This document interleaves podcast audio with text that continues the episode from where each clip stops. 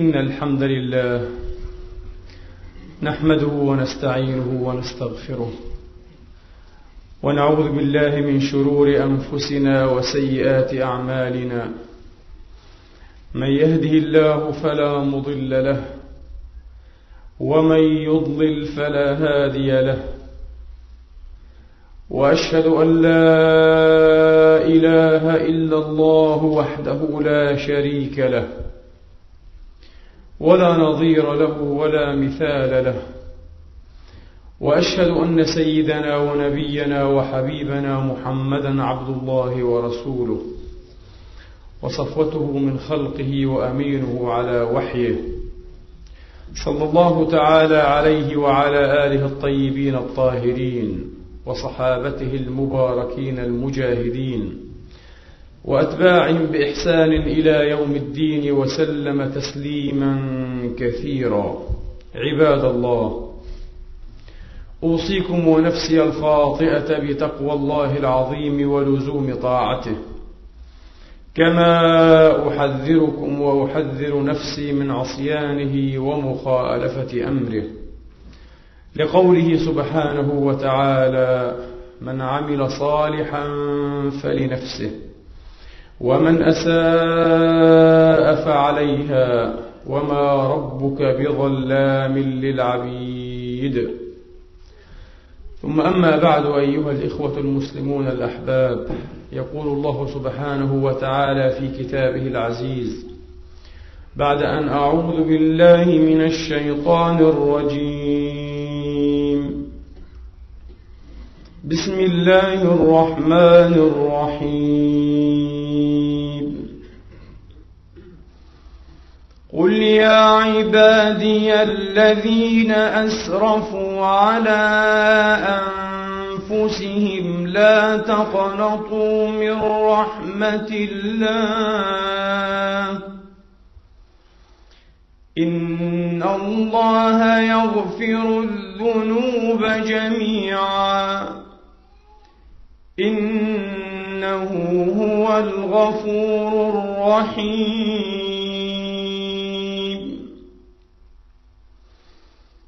وأنيبوا إلى ربكم وأسلموا له من قبل أن يأتيكم العذاب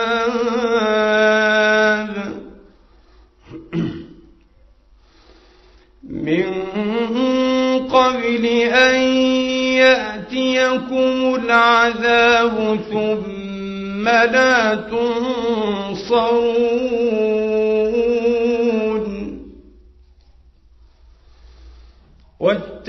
واتبعوا أحسن ما أنزل إليكم من ربكم من قبل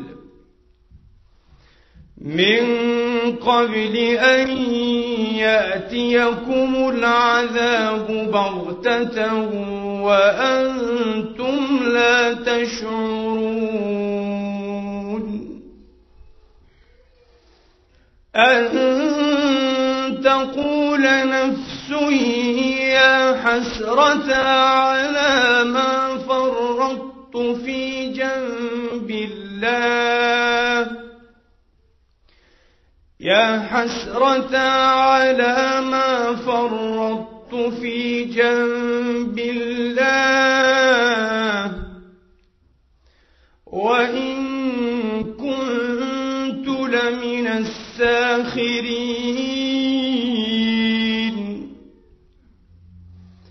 أو تقول لو أن الله هداني المتقين أو تقول حين ترى العذاب لو أن لي كرة فأكون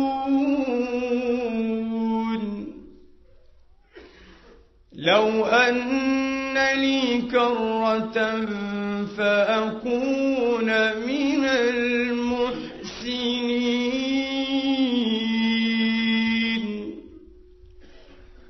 صدق الله العظيم وبلغ رسوله الكريم ونحن على ذلك من الشاهدين.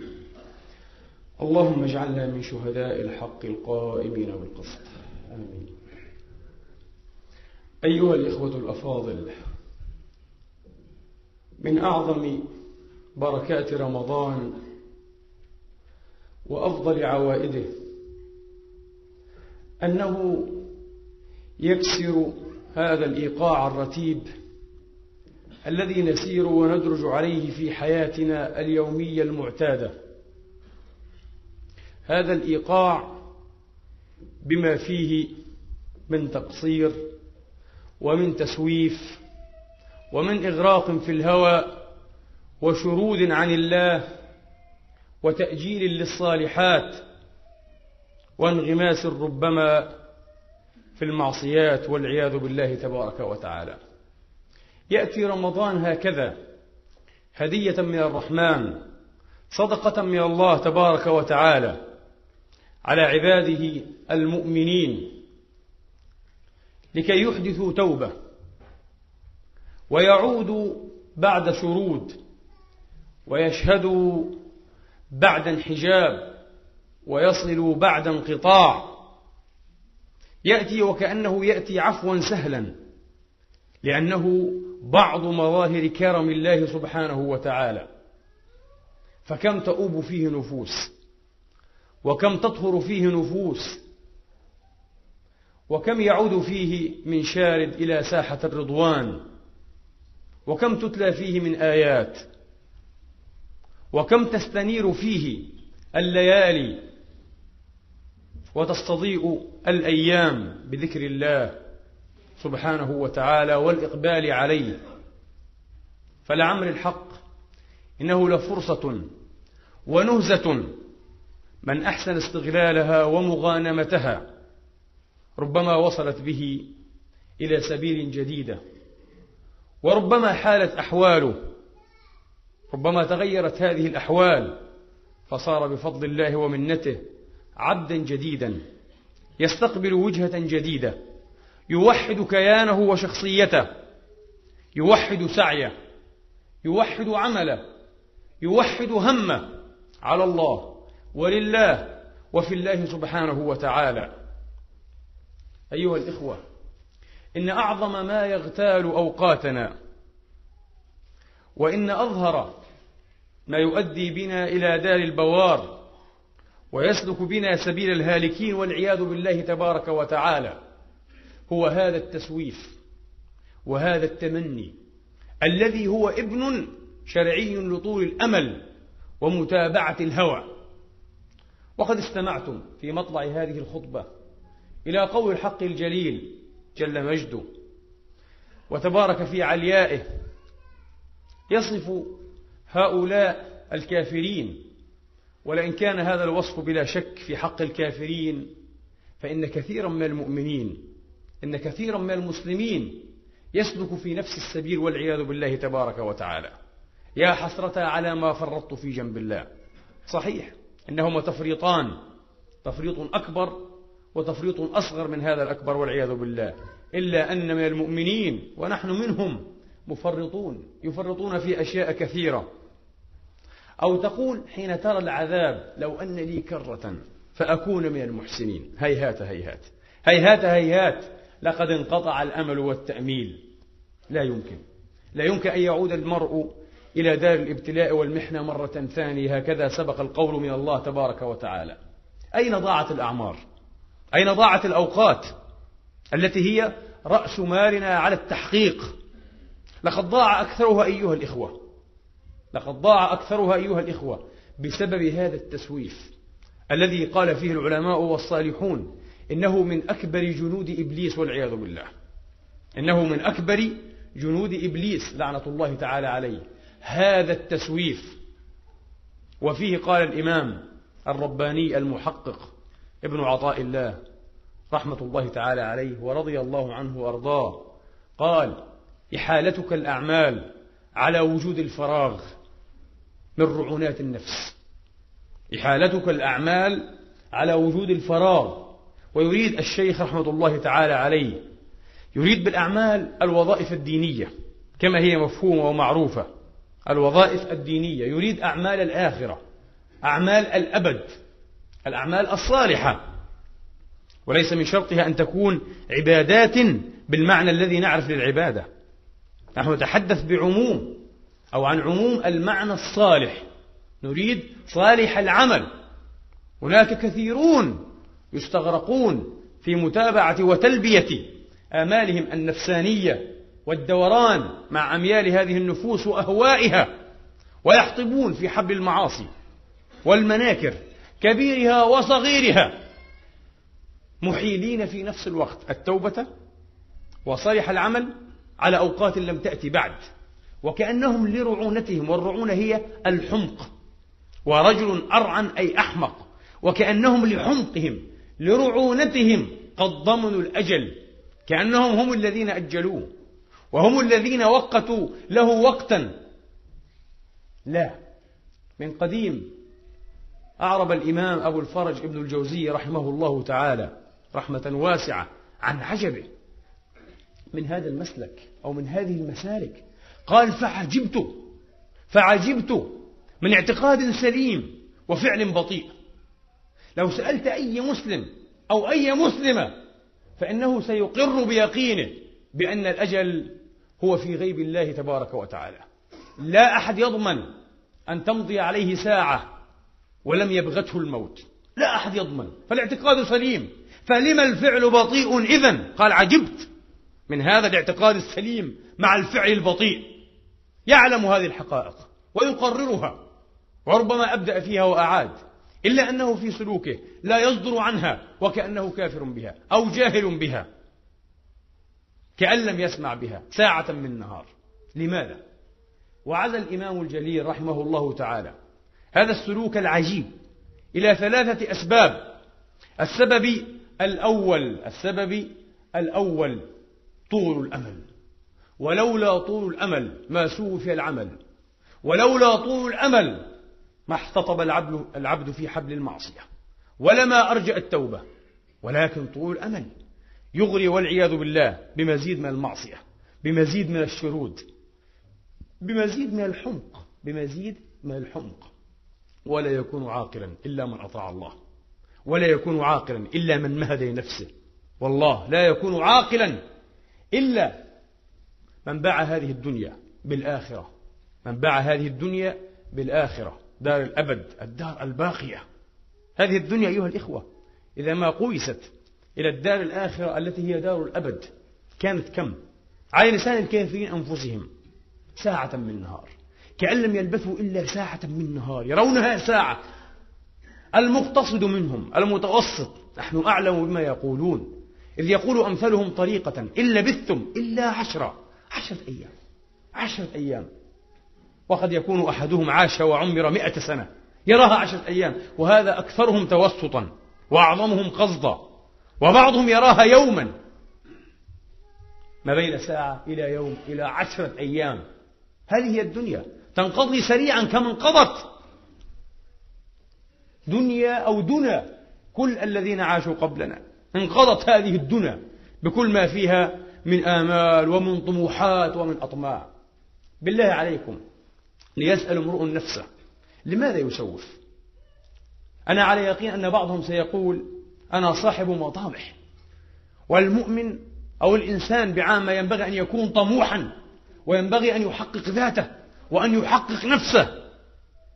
ونحن مع هذا المعنى. ولكن لا بد أن نحقق معنى الطموح هذا. طموح؟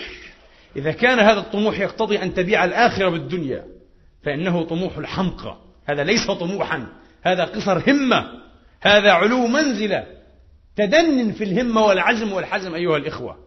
واسمعوا إلى طموح ابن عبد العزيز رضوان الله تعالى عليه الذي يقول في كلمته المشهورة إن الله تبارك وتعالى جعلني ذا نفس تواقة طماحة طماحة تنطوي على طموح عظيم.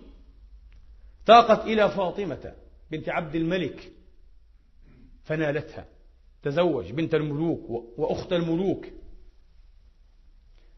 وتاقت إلى الولاية فنالتها.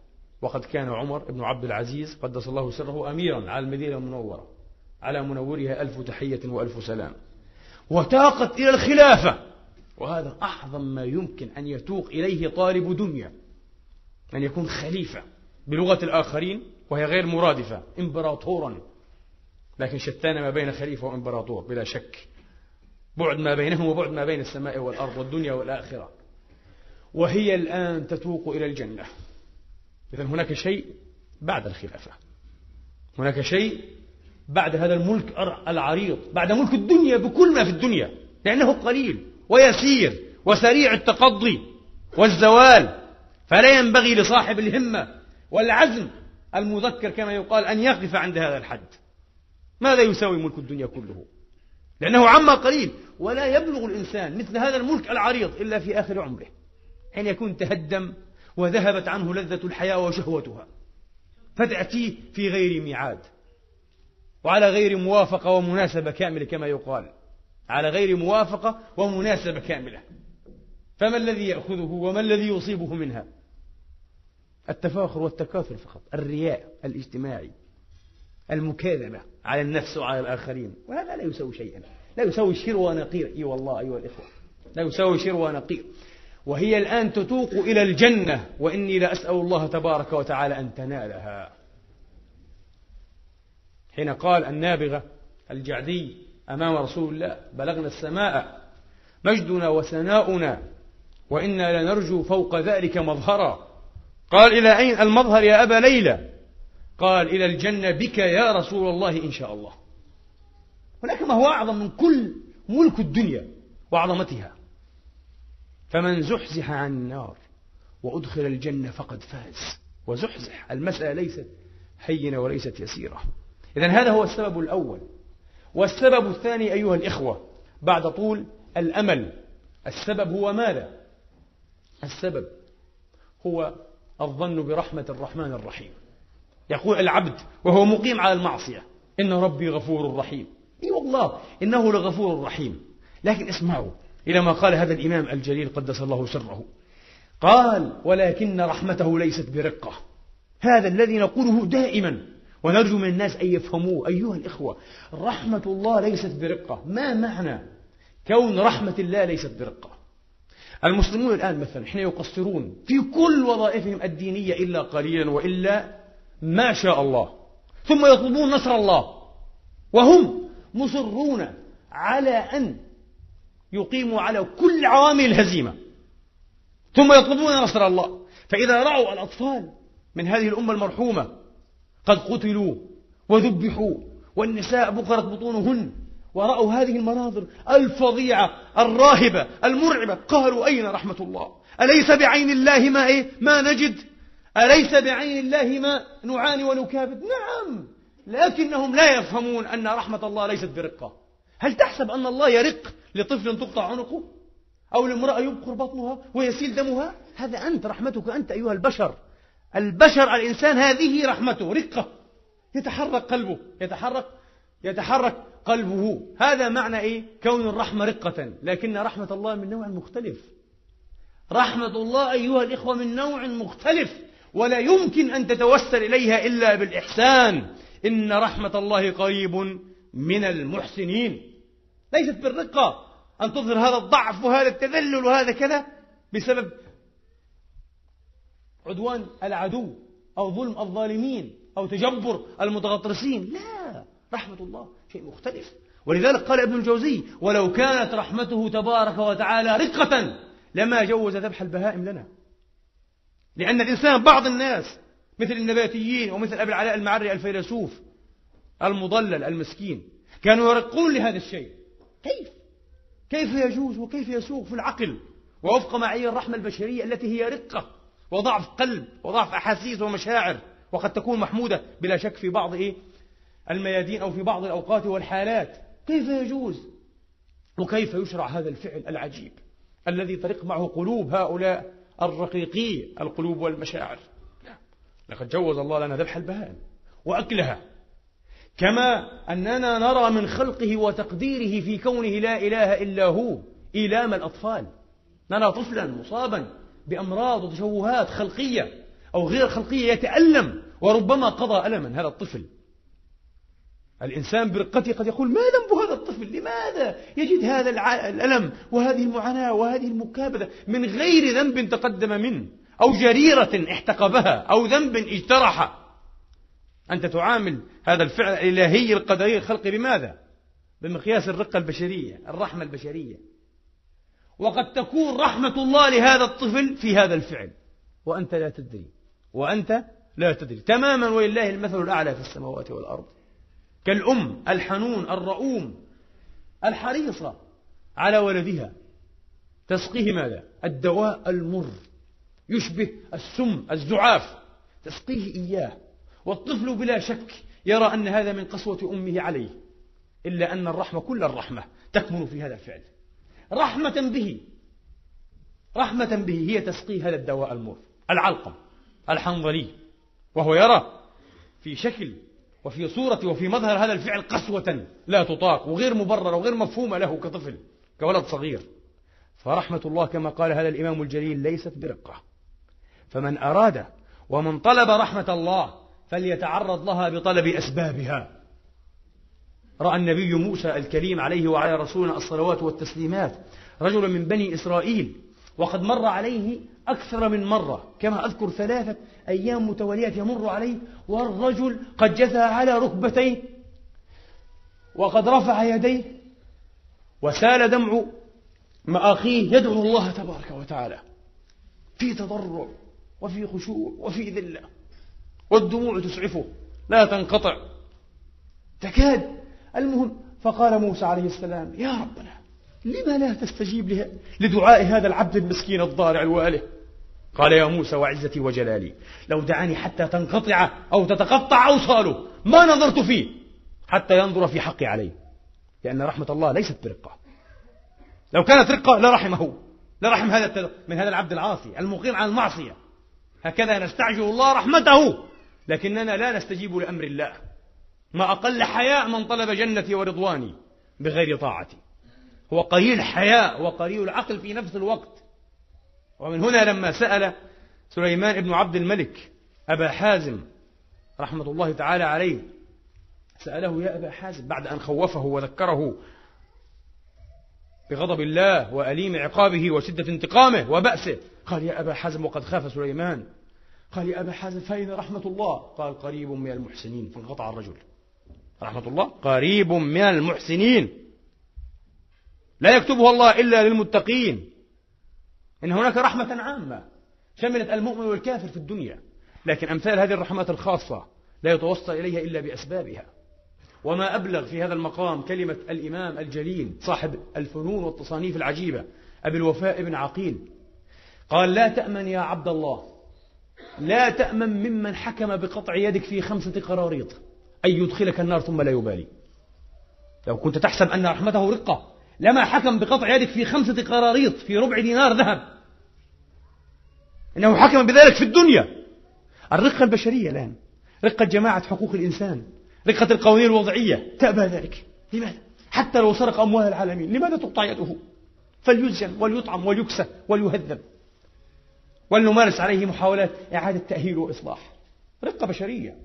لكن رحمة الله شرع الله قانون الله الذي هو أعلم وأخبر بمن خلق. ألا يعلم من خلق؟ وهو اللطيف الخبير يقول لا تقطع يده. بشروط ذلك إذا تحقق مناط هذا الحكم. فأبو الوفاء يرى في ذلك شيئا مخيفا. يقول لا تأمن ممن حكم بقطع يدك في خمسة قراريط. أن يدخلك النار ثم لا يبالي. لا تظل تتكئ كثيرا على أنه رحمن رحيم غفور كريم. نعم إنه غفور رحيم ولكنه أيضا شديد العقاب. فإذا طلبت رحمته فاطلبها بأسبابها واطرق إليها أبوابها استفتح عليها أبوابها أيها الأخ المؤمن. ولا تغرنك الدنيا ولا تغرنك نفسك ولا ولا يغرنك بالله الغرور من شياطين الإنس والجن. تمد لها في حبل الأماني والتسويف بطول الأمل ثم تتكئ على هذه الرحمة بالمعنى الذي تفهم من الرحمة. قد تهلك وأنت لا تدري. قد تهلك وأنت لا تدري. إذا أيها الإخوة من رعونات النفس إحالة الأعمال إلى وقت الفراغ كأننا نمتلك هذا الوقت. أين نحن من قول السيد الجليل مولانا رسول الله عليه الصلاة وأفضل السلام؟ بادروا بالأعمال ستا. ينبغي أن تعجلوا. البدار البدار الوحى الوحى العجل العجل. بادروا بالأعمال ستة هل تنتظرون إلا فقرا منسيا أو غنى مطغيا أو هرما مفندا أو موتا مجهزا أو الدجال فشر غائب ينتظر أو الساعة فالساعة أدهى وأمر. هذه الأشياء التي يمكن أن تطرأ لك وتعرض لك في قابل أيامك. قد تكون غنيا فتفتقر والفقر ينسي الإنسان. الفقر ينسي الإنسان ويستغرق ليله ونهاره في هم العيش في هم الرغيف. فإذا كان الله تبارك وتعالى قد ضمن لك شيئا من رزقك بل هو ضامن لكل رزقك ففرغ بعض وقتك لإرضاء الله لملء صناديق الآخرة بصالح العمل. امهد لنفسك يا عبد الله ولا تسوف. أو غنى مطغيا. كلا إن الإنسان لا يطغى أن رآه استغنى. لأن بعض الناس وأكثر الناس إلى عمري أكثر الناس يسوفون صالح العمل. لماذا؟ يحيلون على إيه؟ على وقت الغناء. وساعة الاستغناء. لا بد أن نتعلم ولا بد أن نحصل شهادات ثم لا بد أن نحصل وظائف وبعد أن نحصل وظائف لا بد أن نحصل المال الوفير الكافي. حتى إذا اغتنينا إن شاء الله سنكون في الصفوف الأولى من المساجد وسنختم كتاب الله كل شهر على الأقل مرة وسنحج وسنعتمر وسنخرج زكوات أموالنا وسنستقيم ونقلع عن المعاصي ونعود إلى الله. أماني والله. إنها برق خلب أماني كاذبة كلها كاذبة. تعلمون لماذا؟ أولا لأن الغنى هذا الغنى لا يهدي في الأكثر إنه يطغي. هذا من طبع الإنسان إلا من رحم الله. كلا إن الإنسان لا يطغى. يرى نفسه غير نفسه. إذا أقبلت الدنيا على العبد أعارته محاسن غيره. وإذا أدبرت عنه سلبته محاسن نفسه كما قال إمامنا الشافعي رضي الله عنه وأرضاه. سيرى نفسه شيئا مختلفا. سيبطر سيطغى. سيتنكر للمبادئ التي كان وفيا لها. سيتشكك في صدقية حتى بعض المعتقدات التي كان ينادي بها المسكين. إنه الطغيان الخروج عن كل حد. بسبب ماذا؟ الغنى. فقرا منسيا أو غنى مطغيا أو هرما مفندا متى ستعبد الله؟ متى تزدرع هذه الدار للآخرة؟ حين تصبح شيخا هما. كبيرا متهدما متكسرا تريد أن تعود إلى الله؟ قد يأبى الله عودك. قد لا يحب هذا العود. وقد أعذر الله لعبد مد له في عمره حتى إيه بلغ إيه؟ الستين. وقد قال العلماء والصلاح الصالحون من قديم قالوا من بلغ الأربعين من بلغ وجعلوه حديثا وهو من كلامهم من بلغ الأربعين ولم يغلب خيره على شره فليتجهز إلى النار. انتهى. متى؟ متى تتشهد يا مسكين؟ متى تعوب متى تعود؟ متى تتوب؟ إذا يحيل. ثم بعد ذلك وهل يشبع الإنسان من المال؟ هل سيشعر في يوم من الأيام بأنه فعلا غني؟ يتباهى بالغنى ويقول أنا من الأغنياء لكنه في نفسه فقير ويشعر أنه فقير وأنه لابد أن يتابع المشوار وأن يواصل المسيرة لأنه طماح. وهو في الحقيقة طماع وليس طماحا. لو كان طماحا لطلب الآخرة بالدنيا. لكنه طماع يريد أن يستأثر بالدنيا من دون العالمين. ولن يجديه ذلك شيئا. ولن يجديه ذلك من هو مال لا يشبعان. طالب علم وطالب مال. نروح ونغدو. نروح ونغدو لحاجاتنا. وحاجات من عاش لا تنقضي. كما قال الأول. هل تنقضي حاجات من يعيش؟ لا تنقضي. نروح ونغدو لحاجاتنا. وحاجات من عاش لا تنقضي. والله إنها لن تنقضي. من هو مال لا يشبعان؟ طالب علم. اللهم اجعلنا منهم. من طلاب العلم. الذي يقرب إلى الله ويدني إلى رحمته ورضوانه. اللهم اجعلنا منه وأمتنا على ذلك. طالب علم. هذا شرف. وطالب مال. إن طلب هذا المال وهذه حجة الآخرين. إن طلب هذا المال للآخرة كما يقول بعضهم نحن والله ما نطلب المال. إلا للآخرة إلا لنسد مسدا إلا لنغني غناء لنغني غناء. وبعض هؤلاء كذا بعض هؤلاء كذب مغرورون مخدوعون عن أنفسهم. تعلمون لماذا؟ أيها الإخوة هل يطلب رضوان الله وقربان الله بالمال من يغفل عن العبادات المفروضة التي هي حد أدنى للتقرب من الله؟ ترونه لا يصلي ولا يصوم. وربما يخرج زكاة ماله ولم يحج ولم يفكر في أن يعتمر في يوم من الأيام ويطلب المال زاعما أنه يريد أن يتقرب إلى الله بهذا المال. كذب. كذب والله. أبدا. هذا سبيل انقطاع عن الله. أيها الإخوة بعض الناس قد لا يفهم هذه الأمور فهما متسقا يصدر عن روحه المقاصد الشرعية وغايات هذا الدين العظيم. وأنا سأقول لكم جملة واحدة إن شاء الله تبارك وتعالى.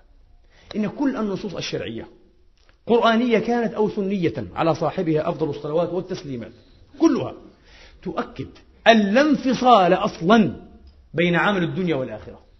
هذه المسألة. لا انفصال بين عمل الدنيا والآخرة. كيف؟ في الحقيقة نرى أن الناس يفصلون فصلا بعيدا بين عمل الدنيا والآخرة. هذا ليس الدين. هؤلاء لا يصدرون عن الدين. نحن نتحدث عن وجهة نظر دينية عقدية صحيحة. قل إن صلاتي ونسكي ومحياي ومماتي. محياي. كل حياتي بكل ما فيها. لله رب العالمين.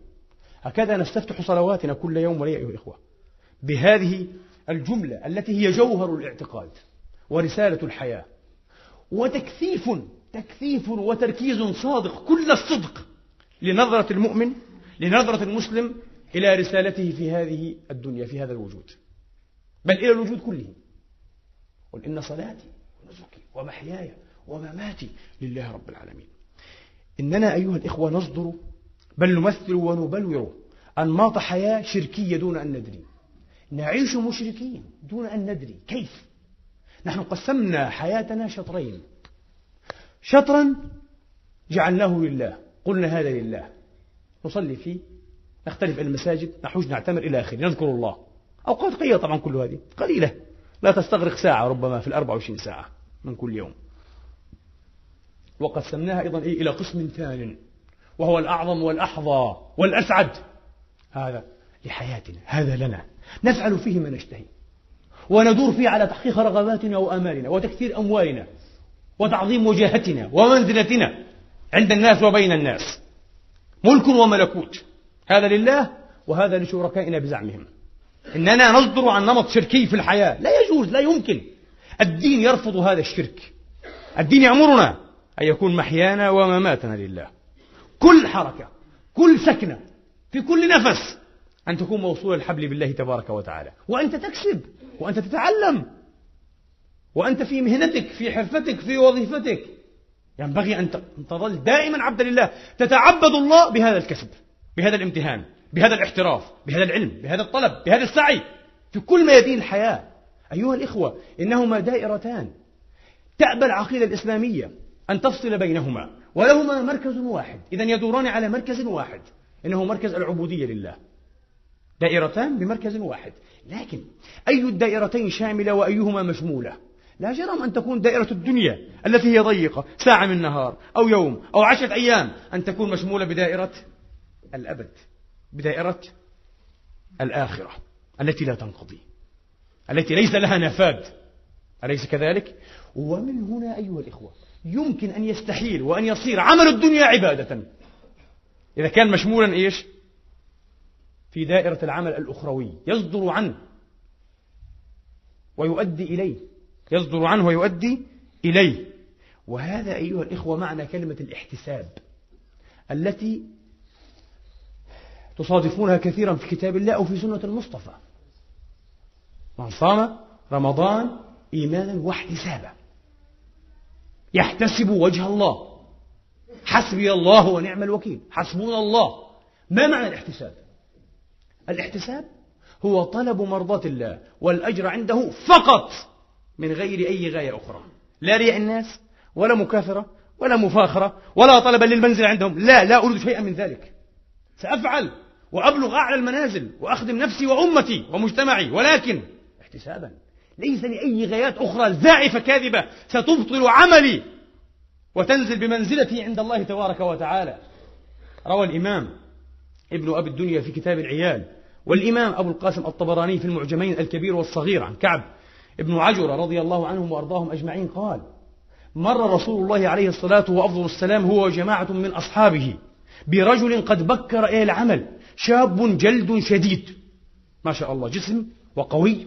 شديد جلد ذو بأس وقد بكر إلى العمل. فقال أحدهم لو كان هذا في سبيل الله لكان خيرا له. ويحة ويح هذا الشاب. أنه يتفجع عليه. لماذا هذا التبكير في طلب الدنيا؟ هذه نظرة خاطئة طبعا كما قلت لكم خاطئة. وهذه النظرة هي التي أفضت بالمسلمين إلى ترك الاستبحار في الدنيا في عمرانها وفي تمدينها وفي علومها. وهذه نظرة خاطئة. نحن نريد الدنيا. نريد الدنيا ونريد الاستبحار فيها ونريد تسخيرها واستثمارها وارتفاقها وتعميرها ولكن ضمن ماذا؟ ضمن الدوام على مركز العبودية لله. ضمن التمهيد للآخرة بهذا العمل. فهذا العمل أيضا عبادة. هذه النظرة الصحيحة. هذا هو جوهر الشرع وبهذا أسس الصحابة والمسلمون الأوائل حضارة عظيمة يتعبدون لله بها. وليس كما نصدر نحن. إما بأفكار زهدية محض. زهدية المتصوفين الجهلة. وإما بأفكار نفعية محض نفعية العلمانيين الليبراليين المادية القاصرة الذين يعلمون الظاهر من الحياة الدنيا وهم عن الآخرة هم غافلون. لا إنها نظرة متكاملة. تجعل الإنسان شخصية واحدة لا شخوصا أو شخصيات. تجعله كيانا واحدا لا كيانات. تجعله كله لله متوحدا. فقال النبي عليه الصلاة والسلام لا تقل ذلك أو لا تقل هذا. زجر الصحابي. كلامك غير صحيح. لو كان خرج يسعى على ولد له صغارا منصوب على الحالية والحال أنهم أولاد صغار يعني ولم يقل صغار. لو كان إيه؟ خرج يسعى على ولد له صغارا فهو في سبيل الله. ولو كان خرج يسعى على أبوين شيخين له فهو في سبيل الله. ولو كان خرج يسعى على نفسه ليعفها فهو في سبيل الله. ولو كان خرج يسعى على أهله فهو في سبيل الله. ولو كان خرج يسعى مفاخرة ومكاثرة فهو في سبيل الشيطان. انظروا بمثل هذا التصور العقدي الحياتي الشرعي الدقيق والمتناسق. يستطيع المؤمن حتى يستطيع المؤمن العامل والكاسب والمتفوق والطماع في الدنيا يستطيع أن يتقبل أمثال هذه المعاني الشرعية الراقية. أمثال هذه المعاني حين عجز بعضهم عن تقبلها ورأى أن فيها إيش؟ ورأى أن فيها قتلا لكل الحوافز. قتلا لكل الحوافز. وتسكينا لكل حراك يريد أن يثري الحياة وأن يغنيها. وليس الحال كذلك. ليس الحال كذلك. بت أيها الإخوة. مطلقا. وإنما الأمر كما قد وصفت لكم. ومن هنا في الصحيحين في البخاري ومسلم أن النبي عليه الصلاة والسلام قال لسعد بن أبي وقاص رضي الله عنه وأرضاه قال له يا سعد إنك لا تنفق نفقة تبتغي بها وجه الله إلا كانت لك صدقة حتى اللقمة تضعها في في زوجك. الإنسان يأتي بالطعام والشراب لأهله لزوجته قد تكون له صدقة لكن متى؟ إذا ابتغى بها وجه الله. أما إذا ابتغى بها المفاخرة والمراءة والمكاثرة والبذخ والترف والسرف ومجاراة الحمقى من أمثاله لا في سبيل الشيطان. حتى في البيت في البيوت. قال عليه الصلاة والسلام كما في صحيح مسلم. فراش للرجل وفراش لضيفه وفراش لامرأته والرابع للشيطان. لكن حق الضيف محفوظ. قال العلماء هذا في حق من لا ولد له. فمن كان له ولد وفراش أو فرش لولده. والزائد للشيطان. الزائد للمباهاة أليس كذلك؟ للمكاثرة. إذا للشيطان. وفي سبيل الشيطان ليس في سبيل الله. حقيق بهذا المال أن يوضع لإغناء الفقراء لتعليم الجاهلين لإكساب المعدومين وليس للمباهاة والمكاثرة التي تستغرق مالا زائدا دون فائدة تعود على مجموع المجتمع. هذه فلسفة الإسلام في هذه النواحي. هكذا تكون الحركة لله. تكون حركة دنيوية تصب في الآخرة. تمهد وتمهد للفوز في الآخرة إن شاء الله تبارك وتعالى. إذا والرابع أو الثالث للشيطان أو الرابع للشيطان عفوا الرابع للشيطان. لكن أكثر الناس لا يصدرون عن هذا المنطق يصدرون عن منطق المباهاة والمفاخرة والمكاثرة. يحسبون أن هذا من حقهم لأنهم يتصرفون إيش؟ في شيء هو ملك لهم حياتهم وكسبهم وسعيهم. إنها حياتهم وكسبهم وسعيهم وأموالهم. ليس لك من مالك إلا ما استخلفك الله فيه وأنت نائب أو وكيل. ينبغي عليك أن تصدر أيضا عن أمر الشارع. كيف تتصرف في هذا المال؟ كما أمر الله كما أراد الله تبارك وتعالى. نسأل الله تبارك وتعالى أن يلهمنا رشدنا وأن يعيذنا من شر نفوسنا. إنه ولي ذلك والقادر عليه. أقول ما تسمعون وأستغفر الله لي ولكم فاستغفروا